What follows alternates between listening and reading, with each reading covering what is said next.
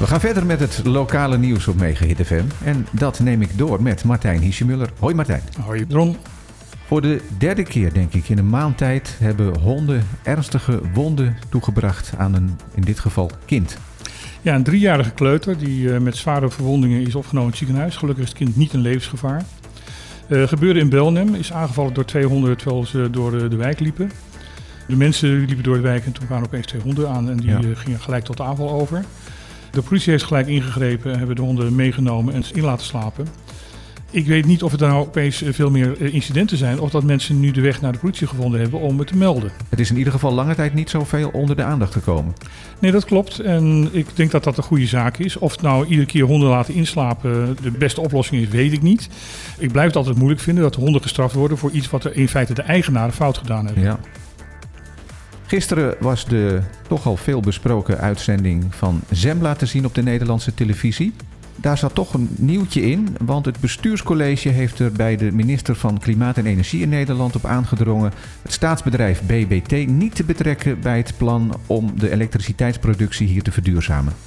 Ja, uit een persbericht van een paar dagen geleden blijkt dat BBT zich nu opeens eh, voorstelt als eh, de vernieuwer en de, de verduurzamer van het eiland. Terwijl voorheen het alleen maar was van garanderen van de toevoer en de opslag van fossiele brandstoffen. Ja, Eh, Dat is opeens een enorme ommezwaai. Het bestuurscollege heeft daar al gelijk op gereageerd door een brief naar Den Haag te sturen, naar de nieuwe minister Rob Jetten van Klimaat en Energie. Dat ze eigenlijk niet zo van gediend zijn dat opeens BBT daar zich ermee gaat bemoeien, omdat ze vinden dat ons eigen web daar eh, zeer goed in staat is om dat zelf te doen. Sterker nog, dat gesprekken op ogenblik tussen web en BBT tot niks hebben geleid tot nu toe. ja, dat bleek ook uit die uitzending gisteren. Dus wat denk jij dat er nu gaat gebeuren?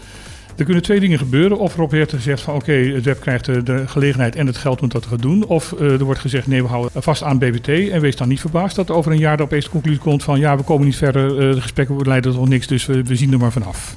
Ik verwacht toch ook nog wel wat druk nu uit de Tweede Kamer na deze uitzending van gisteravond. Ik mag het hopen. Er is extra aandacht voor de moedertaal dit weekend. En op Bonaire is de datum, de datum van de moedertaal is namelijk 21 februari alvast eh, naar voren geschoven. Ja, waarom dat precies gedaan is, weet ik niet. Maar in ieder geval, eh, we vieren vandaag op Bonaire eh, de Internationale Dag van de Moedertaal. In Bonaire is de moedertaal Papiamentu. En ook de Nederlandse overheid begint steeds meer in te zien van ja, we, we mogen die taal niet negeren. En dat is een goede zaak, denk ik. Papiamentu wordt op dit moment zelfs in de rechtbank gebruikt, terwijl tot nu toe altijd gebruikelijk was dat dat alleen maar Nederlands was. Ja, dat klopt. Ik denk dat dat een goede zaak is. Eh, ik denk dat het ook een goede zaak is dat het papiermento ook echt goed eh, geregistreerd en officiële spelling krijgt en, en dat dat verder uitgebouwd wordt. Het is misschien wel leuk om te vermelden dat vanavond tussen 7 en 9 er een nationaal dicté is, waar iedereen aan kan meedoen. Dan moet je naar Grand Chaparral en dat vind je aan de Camine Sorbonne. Ja. Bonaire versoepeld. Eindelijk, hè, zou je zeggen. Ja, we, hebben het over COVID. We hebben het over COVID en we hadden gisteren het al heel even over. Nu blijkt inderdaad dat eh, vanaf vandaag de aantal zaken versoepeld zijn. De horeca mag weer tot eh, twee uur s'nachts open. De evenementen met 100 personen zijn toegestaan en buiten mag er dan gezongen en gedanst worden. Mondkapjesplicht blijft in binnenruimtes wel gelden. Huwelijke begrafenis, privé-bijeenkomsten mogen weer maximaal 100 mensen uitnodigen. Nou, ga maar zo door. Ja. Thuiswerk wordt niet meer aangeraden en is niet meer nodig.